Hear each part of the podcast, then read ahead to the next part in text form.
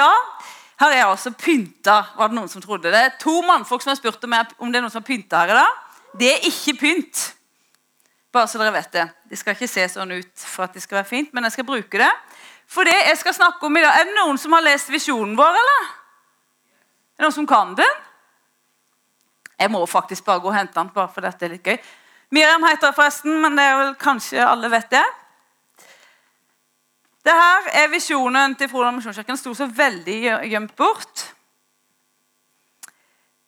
Vi skal være et veksthus som har en utstrakt hånd til verden og er en ressurs for andre kristne. Den første der i dag Vi skal være et veksthus, skal jeg snakke om. Og Derfor har jeg med meg planter. Så da skal vi rett og slett begynne med litt biologi. Naturfag. Er det, noen, som er lenge siden noen har hatt naturfag på skolen her, eller? For noen er det litt lengre enn andre. Sånn starter klokka. Ta fram eh, det første bildet, Erik. Det her er et stort drivhus. Det ligger i Göteborg. Jeg var der nå i september. Det er et kjempeflott drivhus. Er det noen som har vært der? Nei, det er bare meg. Men det er fint. I det drivhuset der Det ligger i den botaniske hagen i Gøteborg. I det drivhuset er det mange forskjellige rom. Hvert rom har eh, forskjellig temperatur, forskjellige typer planter, forskjellige temaer. Det ene rommet du kommer inn i, så er det litt sånn småkjølig, det er litt tørr luft. Der inne er de plantene som passer inn i sånn type luft. Og Så er det et rom som er litt sånn tropisk klima. Det er fuktig, det er varmt. Og der har du de type plantene som trives der. Det syns jeg er veldig fascinerende. Jeg er overhodet ikke noe sånn biolog-menneske, biolog si, økologi, biologi. Men jeg tenkte på det at det er jo et kjempebilde på menigheten. Um, planter er kjempeforskjellige. Planter med samme klima, sånn som i der, samme klimabehov, er plassert i samme rom. Noen planter har blomster eller noen sånn fine farger. Så jeg har tatt med meg en sånn halvtørr Jeg er så utrolig lite flink med planter. Men den lever. Og den har faktisk levd helt siden godhetskonferansen. Og det er helt utrolig til å være med. Men det er sant. Her er det en plante som ser Den har liksom litt fine farger og sånn. Den gjør litt ut av seg. Og så har du grønne planter. Du har f.eks. denne her. Den har jeg ikke vært like heldig med. Det er en orkidé. Jeg kan til og med ta livet av en kaktus. jeg skjønner du. Det er forskjellige typer planter. Noen er små, og så har du noen store. Her har du en litt sånn større utgave. Som du ser, så er ikke jeg kjempeflink. Jeg er litt sånn tørre greiner og sånn. Men det er et fint eksempel. Det som er, er at noen, noen planter trenger masse vann, for det er dere som har peiling, og noen trenger lite vann. Sånn som denne her trenger ikke så mye vann. Noen planter har grønne blader, som jeg sa, og noen har blomster. Det er alt mulig forskjellig. Noen er trær, noen er små busker, noen er kjempestore trær med svære, grønne blader. De ser helt forskjellige ut, men alle har samme funksjon. De er planter. Enig? De har samme funksjon, men de ser kjempeforskjellige ut. Kaktusen for eksempel, den er veldig fascinerende. Kaktusen han trenger veldig lite vann. Nå skal du få høre litt fakta om kaktusen. For de som ikke visste det. De av dere som har kaktus, vet at du kan reise bort i mange uker og la være å vanne den kaktusen når den lever fortsatt når du kommer tilbake. Ja. Eh, den, det som er så kult med den, det er at den lagrer vann inni stammen. Så den trenger ikke så mye vann. Så den henter bare ut fra stammen når den er tørst. på en måte. Den lagrer vannet der. Så den kan du vanne sjeldent. Og så har den ikke blader, men den har pigger. Og vet du, de piggene det er litt kult, for de var ikke jeg klar over. For det første tenkte jeg, Det er jo logisk. da. Den beskytter mot dyr som vil prøve å ta væske, altså ta forsyne seg av plantens vannlager. Det er funksjonen. I tillegg så gir den nødvendig skygge for stammen. Og de der piggene de samler opp fukt. Og så drypper det av sånne dråper som faller ned til jorda og gir vann til røttene. Det var ikke jeg klar over. Jeg syns det er litt kult. Og så har du en annen plante, hortensia. Er det noen som er kjent med en hortensia? Hilde, du er godt oppdratt i planteverden, så får du ta meg, ta meg i lære her hvis jeg tar feil. Men en hortensia det klarer ikke jeg å få til å leve. En hortensia trenger mye vann. Den må ikke tørke ut, den må ikke bli tørr. Og så kan den heller ikke stå i vann for lenge. Stod, eh, på nett så sto det ca. 30 minutter var maks at den skulle stå i vann. Den må bøttevannes. Og så bør den gjødsles hver 14. dag med surjordsdeig. Nei, deig, hør på meg. Næring. med surdeig, faktisk. Det er en veldig spesiell plante. Med en egen type næring som er spesielt egnet til den type planter. Så det sier seg jo sjøl at det er ikke så lett for meg. Den krever ganske mye oppmerksomhet i forhold til en kaktus. Men begge to er planter. Og så, så leste jeg litt her på stelletips på grønne planter. Bare bær med meg, jeg er snart ferdig med det. For, for at plantene skal bli frodige, trenger de gjødsel i vekstperioden. Og en dusj en gang innimellom. Den største faren er at de vanner for mye, og at plantene derfor blir stående med røttene i vann. Husk å helle av overflødig vann etter vanning. Grønne planter setter pris på en jevnlig dusj med sprayflaske. Visste du det?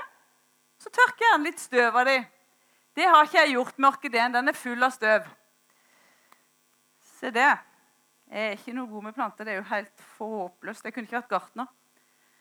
Når potten blir for lite, bør, eh, bør, de plantes over til en litt større potte for å kunne fortsette å trives og utvikles. En større potte gir større tilgang på vann og næring som plantene ikke trenger tilsyn så ofte. Og som du sikkert har skjønt, så ønsker jeg å sammenligne oss med dette drivhuset. Ikke vel? Du skjønte det? Og Derfor syns jeg de stelletipsa til grønne planter er litt tøft. For Hvis du googler det og går inn og ser, så er det litt det samme med oss mennesker. Noen planter er skjøre, og noen er hardføre. Noen tåler mye, og noen tåler lite. Noen vokser seg store, mens noen forblir små, som jeg sa. Men det er ikke noen planter som er bedre på å være plante enn noen andre. Er du enig? Det er ikke sånn at uh, denne her er skikkelig god på være plante, mens den der ikke like flink på det. Enig? De er begge planter de er, de er akkurat like gode på det å være plante.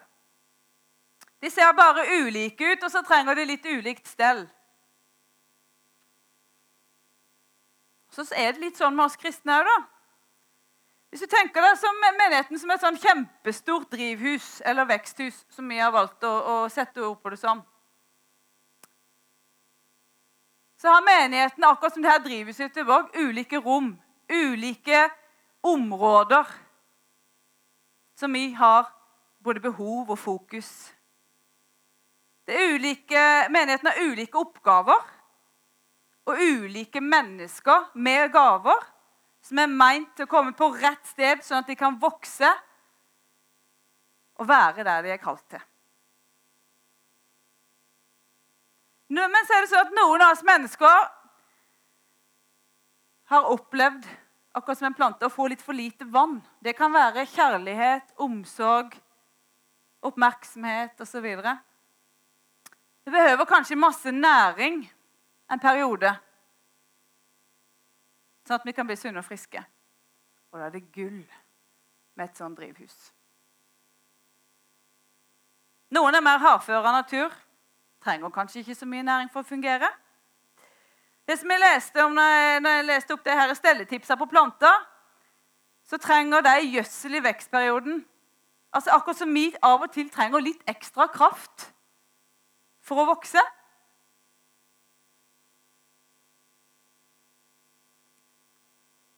Etter hvert så, det, så leste jeg jo at en plante setter pris på litt sånn dusj med vann.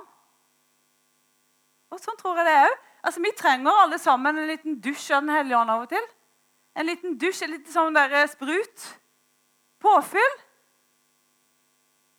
Det er ikke sånn at fordi vi har fått Den hellige ånds kraft og møtt Han én gang, så trenger vi ikke noe mer. Det er ikke sånn at Hvis jeg har vanna den, så skal ikke jeg vanne den noe mer. Ikke sant? Da dør den jo. Det sier seg jo sjøl.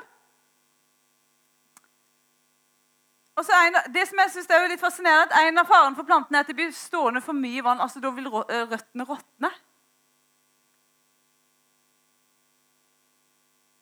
Dersom vi blir stående alene i vår potte, da, i vår egen lille greie, og så har vi egentlig fått veldig masse, men så gjør vi ikke noe av det, hva skjer da?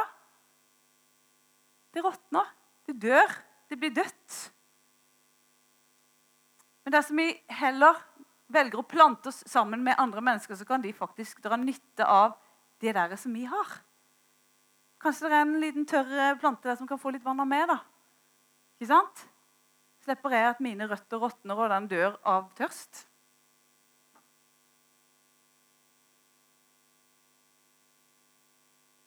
Og så Etter hvert som vi vokser En plante vokser jo. Etter hvert som den vokser, så trenger den litt større plass. ikke sant? Og det kan være du trenger en større potte, du trenger litt større plass. Det kan godt være du trenger å gjøre noe nytt. De fleste planter trenger å stelles godt med. Noen trenger faktisk å beskjæres. Plukke vekk litt sånn her. Jeg tror jeg med meg denne her, for Her var det faktisk en del sånn som eh, ikke er blitt gjort. Det er som sagt en elendig gartner. Det, og jeg har overtatt en svær hage. Min mor er veldig glad i planter. Så hun har en svær, fin hage. Og den der bor jeg nå. Så får vi se da hvordan det ser ut om fem år. Jeg gjør mitt beste. Grunnen til at eh, en gartner driver og beskjærer, er jo bl.a. for at plantene ikke skal bli for store, at de kan formes. Du har sett sånne fine busker som kan formes i forskjellige, ikke sant? Det er en av må måtene å gjøre det på. Og plantene kan bli fornya med at du beskjærer dem. Gamle greiner fjernes, og nye bryter frem. Frukttrær kan formes slik at de setter mer frukt. Ved å gjøre frukttrær og bærtrær mer luftige hindrer du soppangrep.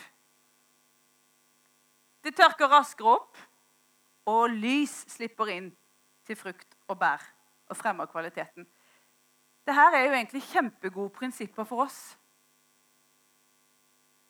Felles for alle planter er at de må ha lys. Og når vi lar oss beskjære, så slipper lys inn i vårt liv. Og når lyset kommer til, så er det jo sånn at der som det har vært mørkt Der vi kanskje har gjemt bort noe, kanskje du har noe Et område av ditt liv som du syns at nei, det, det kan ikke noen se. Det kan jeg ikke vise. Det er ikke noe greit. La Gud få lov å klippe vekk litt, sånn at lyset kommer til, og det der dritet mister sin makt. Ikke vel? så du kan få lov å bære den frukten du skal. At du kan komme ut i blomst.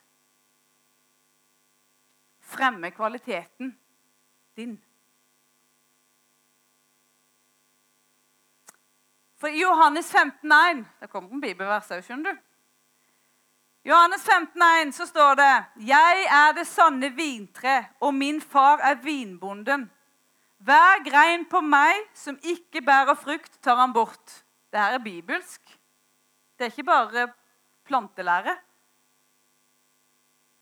Og hver grein som bærer frukt, renser han, så den bærer mer. På den engelske bibelen så står det at han stusser den. Dere er alt reine på grunn av de ordet jeg har talt til dere. Bli i meg, så blir jeg i dere. Slik som greinen ikke kan bære frukt av seg selv, men bare hvis den blir på vintreet, slik kan heller ikke dere bære frukt hvis dere ikke blir i meg. Jeg er vintreet, og dere er greinene. Den som blir i meg og jeg i ham, bærer mye frukt. For uten meg kan dere ingenting gjøre. Det syns jeg er deilig. Det tar vekk hele prestasjonen. Og så syns jeg det er så kult, for Gud han er vår gartner. Vi leste akkurat Han er vår gartner. Han beskjærer. Og så har han oversikt over alle sammen. Og så vet han hva alle trenger for å vokse. Og for å blomstre eller for å bære frukt. Han vet hva du trenger, hva som trenger å klippes litt, hva som trenger litt ekstra vann, hva som trenger litt ekstra oppmerksomhet i ditt liv. Han vet det. Og han har så lyst å få lov å være gartneren i ditt liv. Av og til så hender det at han må luke bort litt ugress. Litt sånn der dødt som er kommet, akkurat som de her døde bladene. For da vokser den og blir frisk. Og så er det det som er litt tøft med Gud. Altså En god gartner han er ikke bare interessert i sluttproduktet.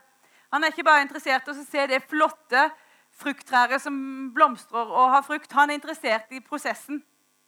For han planter det der frukttreet til det faktisk kommer frukt på det treet. Og det er en vei. Det tar tid.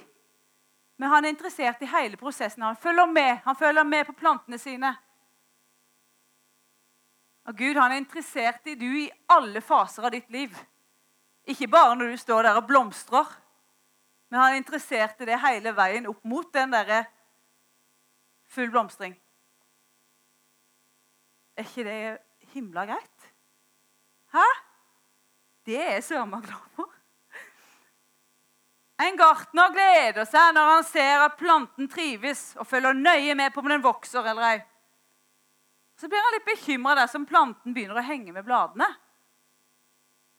Sånn er Gud. Han er genuint interessert i det. Åssen har du det? Begynner du å bli litt sånn slapp i eh, Ja, men da sier han nå er det tid for at du vanner deg litt. Kom. Han er genuint interessert i åssen du har det akkurat nå. Og Når vi tappes for liv og krefter, så ønsker Gud å være den næringa som vi trenger. Han ønsker at vi, lov, at, han, at vi, skal la han få lov til det her, å være og gi oss den næringen vi trenger. Men han trenger seg ikke på. Gud han er interessert i oss. Eh, og så ønsker han at våre røtter er planta på rett sted. I, i Salme 1,3 så står det at den som har sin glede i Herrens lov og grunner på Hans lov dag og natt, er lik et tre plantet ved rennende vann. Det gir sin frukt i rett tid og løvet visner ikke. Og hør her alt han gjør, skal lykkes. Gud ønsker at vi skal være planta inntil han. Og Det er ikke uten grunn at det står rennende vann her. Det står ikke ved et sånn stille vann, ved en dam. Rennende vann. Det er nytt, friskt vann hele tida når du er planta hos han. Og hvordan, hvordan, kan vi klare det her? da? Hvordan ser det ut? Først og fremst er det som jeg sa, la Gud være din gartner. La han få lov til komme med saksa litt. La han få lov til å stelle litt med deg hvis du trenger det. Ta vare på det.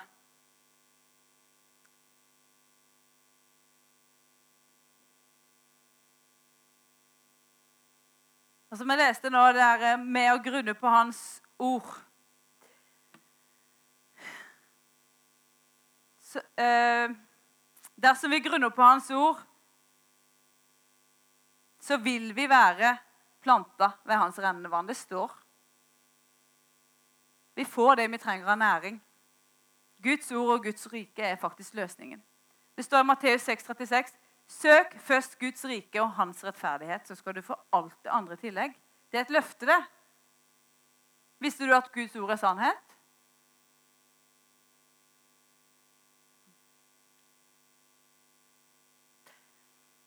Og så er det det at eh, akkurat som vi mennesker er ulike, akkurat som plantene Noen trenger mye næring, mens andre trenger bare litt innimellom. Men så står det i Matteus 4, 4. Jesus svarte det står skrevet mennesket lever ikke av brød alene, men av hvert ord som kommer fra Guds munn. Altså, Vi overlever ikke åndelig uten at vi leser, uten at vi tar til oss av Hans ord. Men så er vi forskjellige, som jeg sa. Noen, du er kanskje mer som, som en kaktus. da. Kanskje noen føler seg litt som en kaktus. Vet du, den, som jeg leser, den Kaktusen han trenger ikke så mye næring, men den næringen den tar til seg, den samler han opp inni seg. Og så henter den det ut. Altså, Det ligger et lager. Og Kanskje du har et kall til å drive misjon langt ut i bysjen, langt uti der. Du er ikke like ofte på møter for å høre tale. Du har kanskje et sted hvor du ikke får det påfyllet du trenger. Kanskje du trenger å være en sånn type kaktus da, som har lagra masse greier inni her. Gud har fått lov til å bare fylle deg på. Og du, har bare et sånn, du er lag sånn at du har et lager. Du bare henter ut av det når du trenger. Vi er forskjellige. Du er kanskje mer som hortensiaen, da. Den trenger masse vann, omsorg og pleie. Men det er ikke noe galt med det. Den er nå mye vakrere å se på enn en kaktus. Sånn. Altså, forskjellige kvaliteter. Det er ikke noe som er noe bedre enn noe andre. Kanskje du er en sånn som skal være planta i menigheten hele tida, og så trenger du å komme her og få påfyll, sånn at du kan gå rundt og være en velduft på din arbeidsplass der du er planta, der du er i din hverdag. Du kan være en sånn der fin blomst som stråler Jesus der du er. Og du må hele tida tilbake og få omsorg, pleie, påfyll. Vi er kjempeforskjellige. Og det er helt OK at du er du. For eksempel, eh, Jeg kom på det i stad når Gud minte meg på det her. Hvordan ser det ut det her, å finne ut hvem jeg er? Gud, hvor, hvor, eh, hvor, hvordan kan du tale til meg? Hvordan kan jeg vite hva du vil? Jeg utfordra Gud konkret en gang på det. Så sa jeg, Gud, jeg har lyst til å fungere i det profetiske. Og jeg ba masse om det, og jeg gikk og drømte om det. Og sånn. Og mens jeg ba og sto på en gang på et bønnemøte, så var det akkurat som jeg hørte Gud sa Men Miriam, kanskje hvis du kan tie stille litt, så kan du lytte til det jeg har å si? Ja. Og det etterpå det så har jeg faktisk lært meg det der med å være stille. For da kan jo jeg høre hva han har å si. Så det er sånn tips. Hvis du har lyst til å høre Guds stemme, kan være lurt å lytte. Og så er en ting til om Når du jobber med planter, ting tar tid. Og det samme gjelder faktisk i ditt liv og i menighet. Ting kan Altså, ting tar tid. Av og til kan vi se på oss sjøl, og så kan vi rett og slett miste litt motet. Er det noen som har kjent det? Det er bare vi som kjenner på sånt. Altså, Vi ser jo ingen endring. Det kan være, Du kan tenke om, om, menigheten, du kan tenke om ditt eget liv, du kan tenke om andre. Altså, Vi ser jo ikke noe endring. Ting tar så lang tid. Hvorfor ser jeg det ikke? Ting går så seint at du nesten gir opp. Så glemmer du at det tar tid å vokse. Altså, En baby utvikler seg fryktelig mye det første året. For de av dere som er unger, så vet at det skjer masse det første året. Så går det litt seinere. Det er ikke sånn at en unge er ferdig utvokst når han er tre år, for at han kan prate og gå og sånn. Det er mange år til å lære seg all verdens. Og hver dag så trenger ungen mat. Den trenger å bevege seg. Den trenger eh, oppmerksomhet, oppdragelse, ikke minst. Ta til seg kunnskap. Det tar tid fra en unge blir født til han er voksen og moden. Og det er vi som kristne vi trenger òg tid. Og så er det sånn at Vi må spise hver dag, vi òg. Og så må vi av og til bevege oss ut av komfortsona på Guds ord. I Fader vår så står det i Matteus 6,1.: Gi oss i dag vårt daglige brød. Vi trenger å ta til oss av Guds ord hver dag for å vokse. Ellers så tar det veldig lang tid. Heldigvis når jeg var yngre Jeg er snart ferdig. Ja, ja. Det nærmer seg stygt. Da jeg var yngre, så fikk jeg en rosa bibel. Og hvis du ser den rosa bibelen min i dag, så er den full av tusj. Altså, Jeg har lest og lest den nesten i filler. Og vet du hva? Det er jeg så takknemlig, for i dag. Jeg hadde mange år der hvor jeg hadde gode forbilder som lærte meg å bli glad i å lese Guds ord. Så ergo så har jeg blitt litt sånn her som kaktusen som har lagra en del ting på innsida. Sånn at når jeg har hatt tørkeperioder i mitt liv hvor jeg kanskje ikke har vært så på og ikke orka å lese Guds ord, så ligger det i ryggmagen min. For jeg har spist og spist i mine ungdomsår. Og jeg, pugget, jeg hadde bibelvers over senga. Jeg så dem hver kveld før jeg la meg, hver morgen når jeg våkna. De sitter og spikrer her oppe. For jeg spiste hver dag. Og Det gjorde at når det kom en tørkeperiode, så kunne jeg hente fram. Og Det er gull. Det er jeg kjempetakknemlig for. Og det lærte jeg med å være planta i drivhuset, i menigheten, hvor jeg hadde mennesker som viste meg hva er det.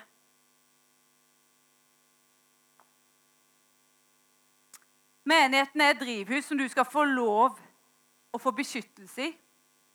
I drivhuset kan du beskjæres, du kan bli vanna, du kan bli gjødsla, du kan få pleie og omsorg. Du kan få lov å prøve og feile her. Du kan få lov å mislykkes. Og så har du mennesker rundt her som hjelper deg på rett kjøl igjen. Vi er ikke meint å leve alene. Vi er ikke meint å, vi er meint å være sammen der. Vi skal komme sammen. Når vinteren kommer, så kan plantene oppbevares i et drivhus og beskyttes mot kulde og uvær.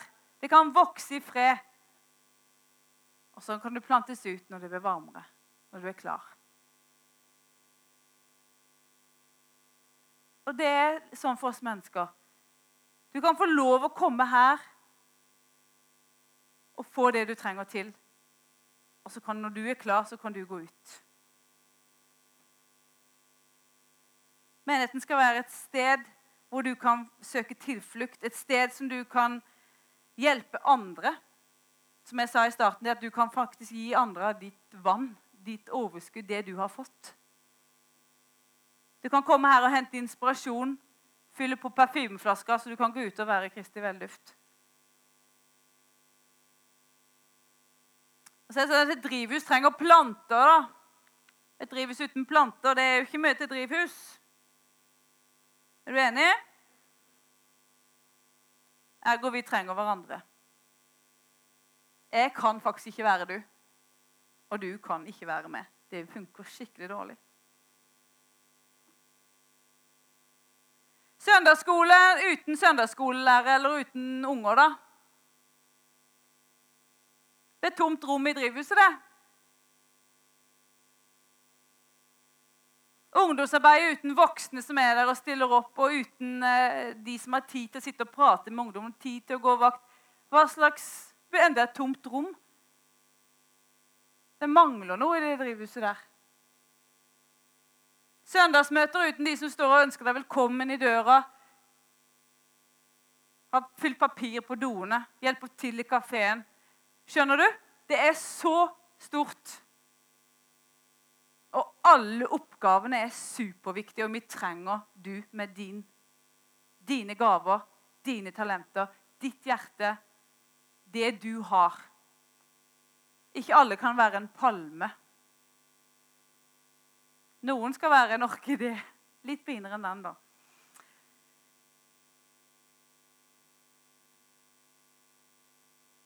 Dette skal være et sted hvor vi vokser fram misjonærer apostler, ledere, evangelister, lærere, håndverkere, hjelpere, medmennesker. Alt kan vokses i dette drivhuset. Vi har alle en rolle i Guds rike og ikke se lite på det du har. Menigheten trenger det. Jeg trenger det. Og du trenger meg. Tro det eller ei. Ungdommene trenger det. Barna trenger det. Det trenger du som har gått veien før deg. Som vet hva det går i. Og så trenger du ungdommen og så trenger du barna til å strekke deg litt. Til å vise deg den der troa som er tro som et barn. Den barnslige tilliten til Gud.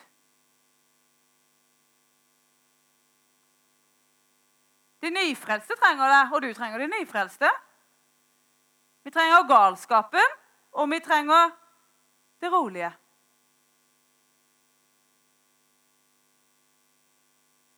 Vi trenger de eldre som har stått i stormene, de som står selv om alt annet svikter. Vi trenger de voksne, barnefamiliene, ungdommene, barna, de eldre, de enslige, de fattige, de utstøtte. Alle sammen har en plass her i vårt drivhus. Og vi trenger de alle sammen. Og så kan vi få lov å gi riktig vann, riktig pleie, så ser vi det vokse. Det er jo kjempespennende. Tenk å få, Hvis fikk, noen fikk, hadde noen som hadde lyst til å forbarme seg over denne her, og få denne til å leve, og få det til, kan du tenke deg hvor gøy det? Vi kan alle sammen, ferdig, alle sammen være med og fylle veksthuset, så at vi alle har noe å strekke oss etter. Og vi har alle behov for å bli beskjært litt, vanna litt og stelt litt, vist litt kjærlighet. For et veksthus, et drivhus uten planter, det er utenfor sin funksjon. Det har ikke noen funksjon. La menigheten få lov å være ditt veksthus, der du kan komme. Og kom trofast og vit at vi trenger du. Amen. Så fikk jeg noen ord her etterpå Nei, etterpå før, før jeg talte.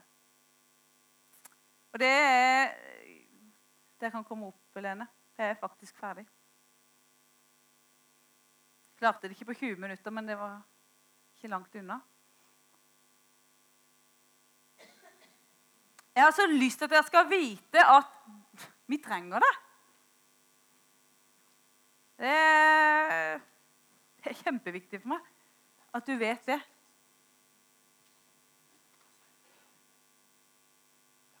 Så fikk jeg det ord Er det liv i denne her? Ja. Men jeg snakker så høyt at du hører det vel uansett. Det jeg fikk, var Det var tre ting, tror jeg. Har du ting i livet som du vet at må skjæres bort, og som du trenger at Gud tar bort, så har han lyst til å hjelpe deg med det.